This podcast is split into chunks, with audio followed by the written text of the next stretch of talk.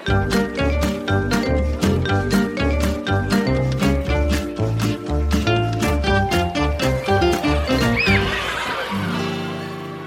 lekser som er bra for alle elevene i en klasse, eller er lekser bare en gammeldags tvangstrøye? Blir skoleelever faglig bedre av skolearbeid hjemme? Hva viser forskningen? Velkommen til Lærerrommet, podkasten fra Utdanningsforbundet. Her breier vi ut armene og favner så bredt som mulig når det gjelder temaer som angår barnehage, skole og høyere utdanning. I dag skal vi snakke om lekser, et tema som engasjerer enormt. Lekser både genererer sinte kronikker, og det forsvares. Jeg heter Marianne Olsen Brøndteit. Og jeg er Vigdis Alver. I dag har vi to gjester her i lærerrommet. Det er deg, førsteamanuensis Kjersti Lien Holte ved Høgskolen i Østfold. Hei, hei. Og deg, Mette Krogh. Du er rektor ved Ringshaug ungdomsskole i Tønsberg. Hei. Velkommen begge to. Først til deg, Mette Krogh. På ungdomstrinnet i din kommune og skole skal elevene gjøre lekser maks én time om dagen. Yngre barn har lekser maks en halvtime om dagen. Hvorfor det? Det er eh, rett og slett et resultat av eh, helt, konkret elevrådskonferansen i Tønsberg. Den avholdes eh, en gang i året. Og eh, gjennom elevrådskonferansen så eh, snakker eh, elever i Tønsberg kommune om deres mangel på arbeidsmiljølov og vern om tiden sin. Og i, ellers så leser vi jo eh, kronikker eh, hos oss også. Det er mange, mange reaksjoner og mange meninger om det. Så dette er eh, rett og slett en oppfølging av eh, elevenes innspill til konferansen. Dere har også satt et tak på to prøver eller innleveringer i uka for elevene, og jeg skjønner at dere har elevene i fokus her, men, men hva er den pedagogiske begrunnelsen for det dere har gjort? Det er nok eh, litt sånn at det kommer mange prøver, innleveringer, mange vurderingssituasjoner opp mot terminslutt. Fordi at det er jo kompetansen på, på slutten av terminen som danner grunnlaget for karaktersetting, i hvert fall på ungdomstrinnet. Så du kan starte ganske rolig i semesteret, og og og så baller det på seg på slutten av semesteret. Eh, og da eh, kan du få et for stort rush, og så blir elevene eh, slitne. For aldri har de vært mer ambisiøse enn nå. De står på, og de vil så veldig gjerne prestere. Sånn at det, det blir rett og slett et for stort trykk. Så det er elevperspektivet. Ut ifra lærerens synspunkt så har vi diskutert lenge på vår skole hvorfor har vi lekser. Hva slags lekser eh, skal vi ha? Og mm, ja, hva er læringsfremmende, og hva er læringshemmende? Så dette systemet tenker dere at uh, gjør læringen bedre? Ja, Ellers så ville vi jo ikke gjort det. Eh, det er, jo, eh, det er jo vanntesten på alt vi skal gjøre i skolen, er om det fremmer læring. Så er det klart at eh, det er jo like mye spørsmål om innholdet i leksene som det er en begrensning i tida, og det må vi bruke det neste året på å jobbe med. Og vi skal ha workshops mellom skolene og, mye erfaringsdeling, og bruke også elevens stemme, da, så klart.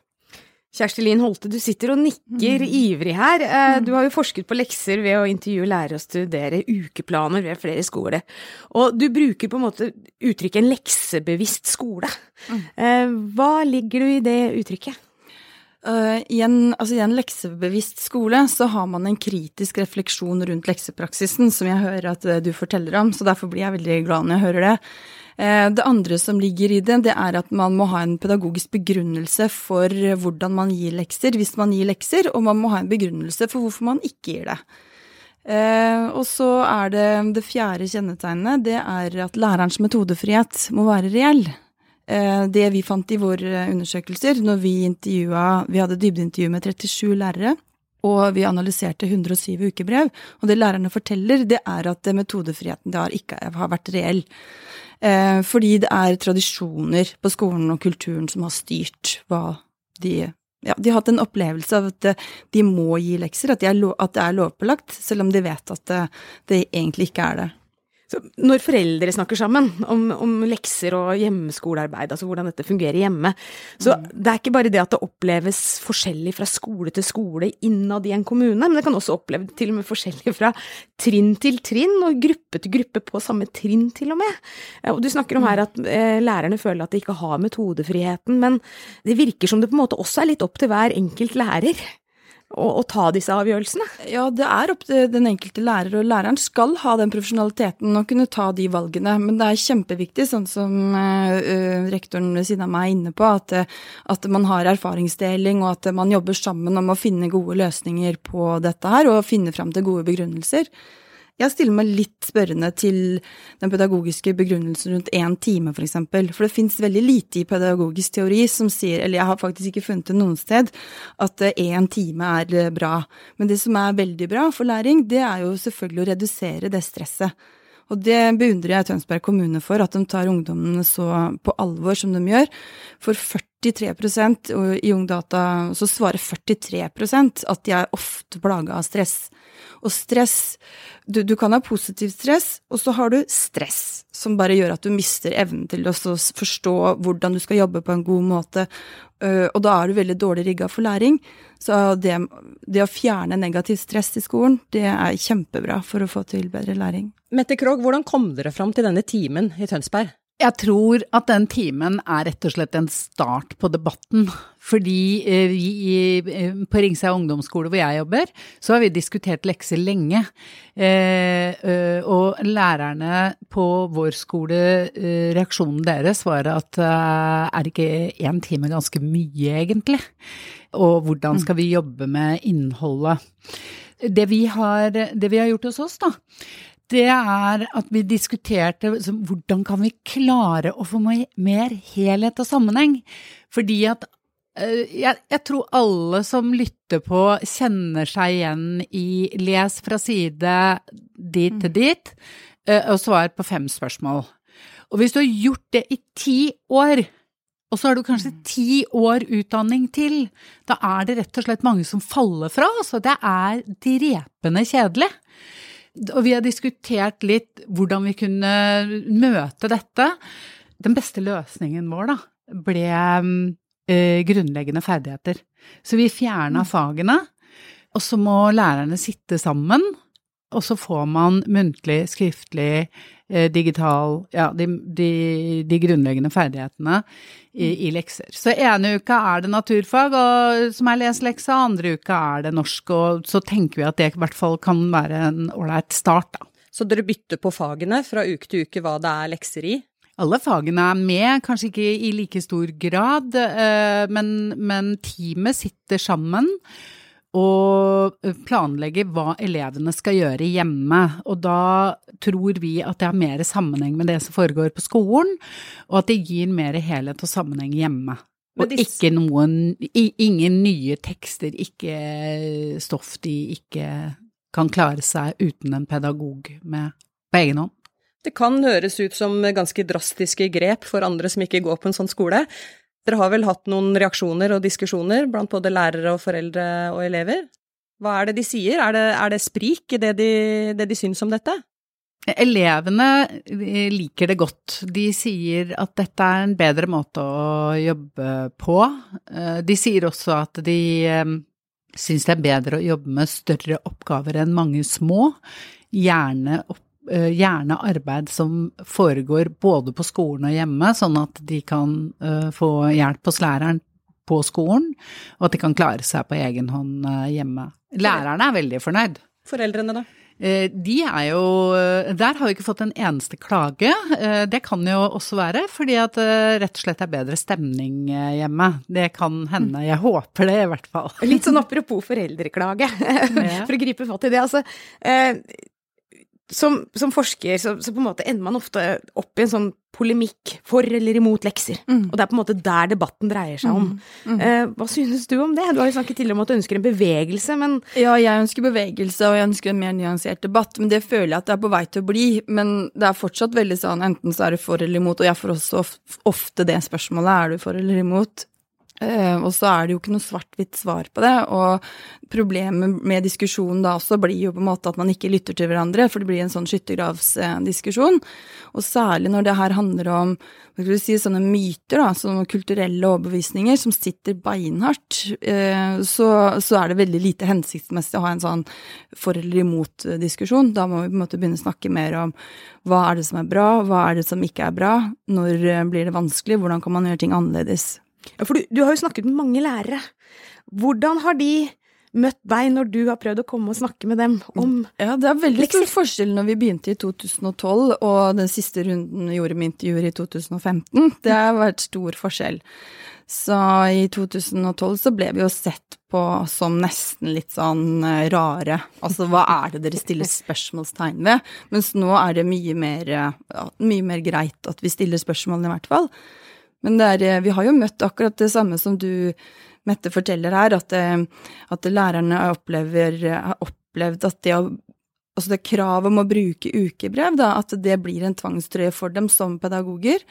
At de eh, ja, gjør, har en praksis som de ikke egentlig føler at de kan stå helt inne for. Uh, og at en lærer sa f.eks. at mente at ukebrevet styrte undervisninga mer enn undervisninga styrte ukebrevet. Um, og et sånt eksempel på en veldig god lekse som jeg har fått i den prosessen, som er litt annerledes enn det, enn det du forteller om, det, er, eh, det var en, en, lærer som hadde eh, prosjekt eh, amerikanske presidenter. Og så sitter jo skolen, klassen og jobber og jobber og diskuterer og ordner frem og tilbake. Plutselig så dukker det opp et spørsmål, det er ganske sent på dagen. Og da er spørsmålet hva er egentlig forskjellen på en president og en statsminister? da sier læreren det må vi undersøke. Gå hjem og la oss sove på det og tenke på det til i morgen, og så, og så tar vi det opp igjen da. Da får du på en måte Altså det er en litt sånn ny og enda friere måte å tenke lekser på, da. Som jeg tenker at hvis du tar bort ukebrevet og den pålagte 15 oppgaver hver uke, så gir det rom for lærerens kreativitet, og det gir rom for ja, sånn tettere skole-hjem-samarbeid knytta til det som skjer i undervisningen, da. Mer spontant. Nå syns jeg det er spennende å høre, Mette Krogh. Er dette ting du kjenner igjen?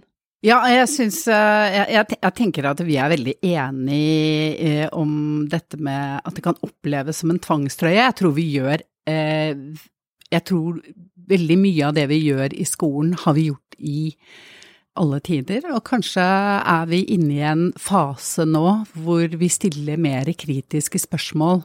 Og jeg tror at det å gi rom for, eh, for profesjonsutvikling, og for at læreren skal få bruke sitt profesjonelle eh, skjønn og sin stemme til å prege, det tror jeg er viktig, fordi eh, fra min tid som lærer, så, så, stilte man ikke så mye spørsmål, for det skulle være sånn. Du skulle lese så og så mange sider, og du skulle gjøre så og så og så mange spørsmål, og man skulle ha karakterer, man skulle ha tentamen, og det var ikke lov å jukse.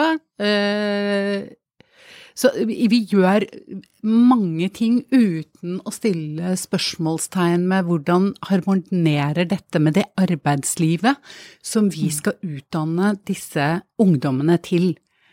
Og der er det, eh, der er det for lite sammenheng. Men eh, tenkte dere på å fjerne leksene helt, ble det diskutert? For dere har jo tross alt fortsatt lekser, en time om dagen? Ja, jeg tror ikke eh, Vi har ikke diskutert å fjerne leksene, fordi eh, det er ikke så viktig om det man er for eller mot, men, men, at man skal redusere omfanget, det tror jeg er viktig. Fordi at uh, dagens barn og unge har aldri vært så ambisiøse og så skikkelige. De kommer til å jobbe mer enn én time. Og noen kommer til å la være å gjøre leksene. Men det er ikke noe forskjell på det men da har vi som voksne satt en eh, ramme. Men for og mot eh, lekser, det tror jeg blir eh, en litt på mange måter litt tøysete og uhensiktsmessig debatt. Jeg tror at lekser gitt på en ålreit måte er fornuftig. Det kan skape glede og interesse. Og jeg tror også du kan drepe skape eh, begeistring for skole og utdanning med feil bruk av lekser. Men jeg har et spørsmål der, for vi snakker om endring, og du snakket om en endring bare på de årene du forsket. Kjerstin mm. Holte. Og så vet du, du snakker om, eh, om å se ting på ny måte. Um, stille spørsmål ved egen praksis, da. Mm. Så hvis dere begge kan ta litt om det, for det er jo litt smertefullt å være lærer, å måtte stille spørsmål ved egen praksis hele tiden. Altså noen av de vanene man har som lærer, er det også litt trygghet i. Altså det er litt trygghet i å på en måte gjøre ting på en måte som du synes fungerer. Og så kommer det stadig vekk ny forskning, og så kommer det stadig vekk nye innspill som sier at nei, latterlig å gi den leseleksa med fem spørsmål. Og nå sitter det kanskje en del som lytter og gjør nettopp det. Hvordan på en måte skal man klare å få den endringen uten at dette føles opp, oppleves også som et angrep, da? Jeg syns det er veldig positivt det Mette gjør her, å løfte fram det med lærerens profesjonalitet og lærerens skjønn. Eh, fordi at det, når du som lærer virkelig kan bruke kompetansen din da, til å få til god undervisning og god praksis, så tenker jeg at det må være ganske givende for, for lærere. Og så vil det en del av de tingene som man er nødt til å tenke annerledes om, vil nok være ganske eh, vanskelig i starten. Eh, men jeg tenker sånn som dere satser, altså det der med erfaringsdeling og diskutere sammen, ikke sitte alene med hele eh, all den tenkningen rundt her, er veldig viktig. For det er ikke noe vits at det skal sitte lærere rundt hele landet her og finne opp kruttet på nytt, for det er, det er mange som har gjort prøvd ut litt forskjellige ting. Man må kanskje tenke litt annerledes i forhold til Én ting er jo undervisningen, men det andre er jo i forhold til samarbeid med hjemmet. Hvordan få til et godt skole-hjem-samarbeid når ikke det bare handler om at foreldrene skal hjelpe ungene å gjøre oppgaver. Så der er det masse interessante ting. Loggbøker og ja. Du ville si noe, Mette Krogh? Ja, jeg tenker til alle som lytter, så kan jeg forsikre om at alle lærere på uh, min skole, inkludert meg selv, har gitt uh, mye rare og tøysete lekser. Mange ganger. Ikke bare les derfra til ditt, men kanskje den, uh, den klassiske tabben som alle har gjort, og som som er å fullføre det læreren ikke rakk på skolen. Er det din verste lekseopplevelse? Ja, jeg, jeg, vet ikke om det er den verste lekseopplevelsen, men det er i hvert fall den mest vanlige. Jeg tror, jeg tror også det har vært gitt en del lekser til de minste ungene som skal lære f.eks. engelsk, skal lære navn på frukter, og så får de oppgave å tegne, og så gråter de for de får ikke til å tegne, og så blir det overskyggende. Så jeg tenker at hvis vi er litt uredde og klarer å litt flire av oss sjøl jeg syns det er veldig bra at du gjør det. vi, vi, har hatt, vi, har hatt, en runde i personalet hvor vi har velta opp mye dårlige uh, lekser og vitser litt med det. Litt sånn 'hei, jeg heter Marianne, jeg har gitt en dårlig lekse'? Ja, jeg tror uh, Jeg trenger, ikke engang si 'hei, jeg heter Mette'. Jeg har gitt masse dårlige lekser. Men, men, at vi tør å stille spørsmålstegn med hva vi gjør. Er, dette, er det hensiktsmessig å gjøre det på, på denne måten? Og så gjør vi jo, så fortsetter vi å gjøre feil framover, men, men ha en bevissthet, mm. det tror jeg er uh, nøkkelen. Men hva er den optimale leksen? Altså, er det, er det mer jobb for lærerne å være bevisst i forhold til lekser? Nei, jeg tror ikke det er noe mer jobb, men jeg tenker at for sånne som meg, som er skoleledere, så må man gi plass og tid og rom til eh, lærerens eh, eh, profesjonsutvikling. De må få tid til å sitte sammen. Det er klart, når vi på vår skole har fjerna fagene fra, fra hjemmearbeidet og gått over til grunnleggende ferdigheter, så kan ingen lærer gi en lekse aleine. Så de må sitte i team, og da må jeg gi plass til at de kan gjøre det. Mm. Så kanskje noen ledere også må tenke etter hvor mange møter skal jeg ha i løpet av en måned, eksempel, og hvor mye tid skal teamene ha for å kunne drive dette arbeidet. Mm. Og i begynnelsen, når man stiller disse kritiske spørsmålene man skal gjøre endringer, så, så må det gis ekstra tid. Mm. Ja, Kjerstelin Holte, du nikker her. Ja. Eh, det ligger en organisatorisk faktor i det hele her også? Det er helt klart en organisatorisk faktor i det. Og det som, det som kom frem i intervjuene vi gjorde, det var jo Vi spurte eh, kan dere snakke med kollegaer om dette. Og da forteller jo lærerne Det er veldig stor forskjell for hva lærerne forteller. Noen lærere sier at ja, der hvor jeg har vært på et bra team, der kan vi snakke om dette her og diskutere det. Men mens hvis du er på et team hvor det på en måte ikke er legitimt å stille de spørsmålene, fordi at det, der, det kan bli en sånn stemning, her skal vi gjøre som vi alltid har gjort, eh, så er det veldig vanskelig. Eller egentlig det er et tabubelagt område, og du blottstiller deg egentlig som en, som en gjennomført dårlig lærer hvis du stiller det spørsmålet. Og der har jo ledelsen et veldig tydelig ansvar for å på en måte passe på at det er en bra ytringskultur i alle teamene. Nettopp for å kunne diskutere eh, ha kritisk refleksjon rundt det man gjør. Har du passa på det du, Mette Krogh, på din skole? Ja, at det er rom for eh, ja, ja, jeg vil si det. Vi, det vi eh, prøver å være nøye med, som vi syns vi lærer mye av, det er at vi når vi setter opp oversikt over møtene våre hvor vi er samla alle sammen, så har vi med jevne mellomrom, så er overskriften deling. Slik at teamene kan fortelle hverandre, i denne sammenhengen så er det snakk om lekser, da, at man gir hverandre noen uh, ideer. Og også deler tabber. Eh, det er, må være lov å si at akkurat dette var kanskje ikke noe god idé. Mm. Kjersti Lien Holte, dere har jo snakket snakket med mange lærere om dette med god praksis, dårlig praksis, tabber og optimale lekse. Mm. Hva svarer de?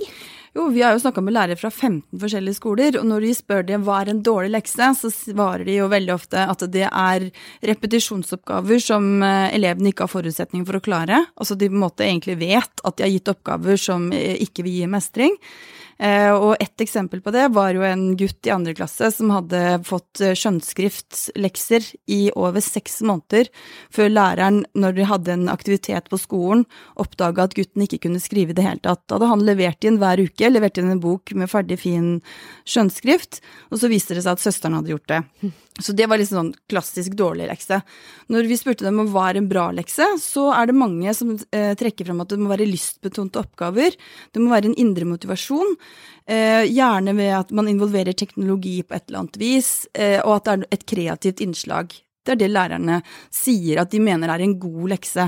Mange ville vel kanskje trodd at eh, lærere ville sagt at det, eh, jo, det er repetisjonsoppgaver og mengdetrening, men nettopp fordi at repetisjonsoppgaver og mengdetrening er vanskelig å tilpasse, så tror jeg de svarte at eh, eh optimale leksen faktisk er den morsomme leksa eller den kreative. Jeg ser på deg at du kjenner deg igjen, Mette Krogh. Så er det oppfølging av lekser. Hvem er det som skal følge opp at leksene er gjort, og at det ikke er søster som gjør skjønnskriften hjemme? Jeg tenker at det må læreren eh, være enig med seg selv og teamet sitt om før eh, lekse eller eh, hjemmearbeid, om du vil, blir gitt. Fordi det sier jo forskning noe om at like mye som innhold, så er det lærerens oppfølging av leksene. Mm. Så det er veldig et ansvar på oss. Og har du ikke tenkt å mm, gjøre det, så er det kanskje en lekse du ikke skal gi. Så en lekse som ikke blir sett på, den eh, er ingen god lekse? Ja, men det kan være at, du, at leksen også er å forberede seg til noe som skal foregå på skolen, men det er jo en slags oppfølging, det også. Men å bli overlatt alene hjemme, sånn som Kjersti eh, snakker om, med stoff som du ikke mestrer, det tror jeg er eh, oppskriften på eh, å få skoletrøtte barn og ungdom. Vi lar det være siste råd. Da er vi ved veis ende. Vi må si tusen hjertelig takk til gjestene våre, Mette Krogh og Kjersti Lien Holte, og takk til deg som lyttet til Lærerrommet. Abonner på Lærerrommet i iTunes eller der hvor du lytter på podkast. Vi setter stor pris på om du også deler Lærerrommet med en du tror vil like podkasten vår. Takk for nå, vi høres. Ha det bra!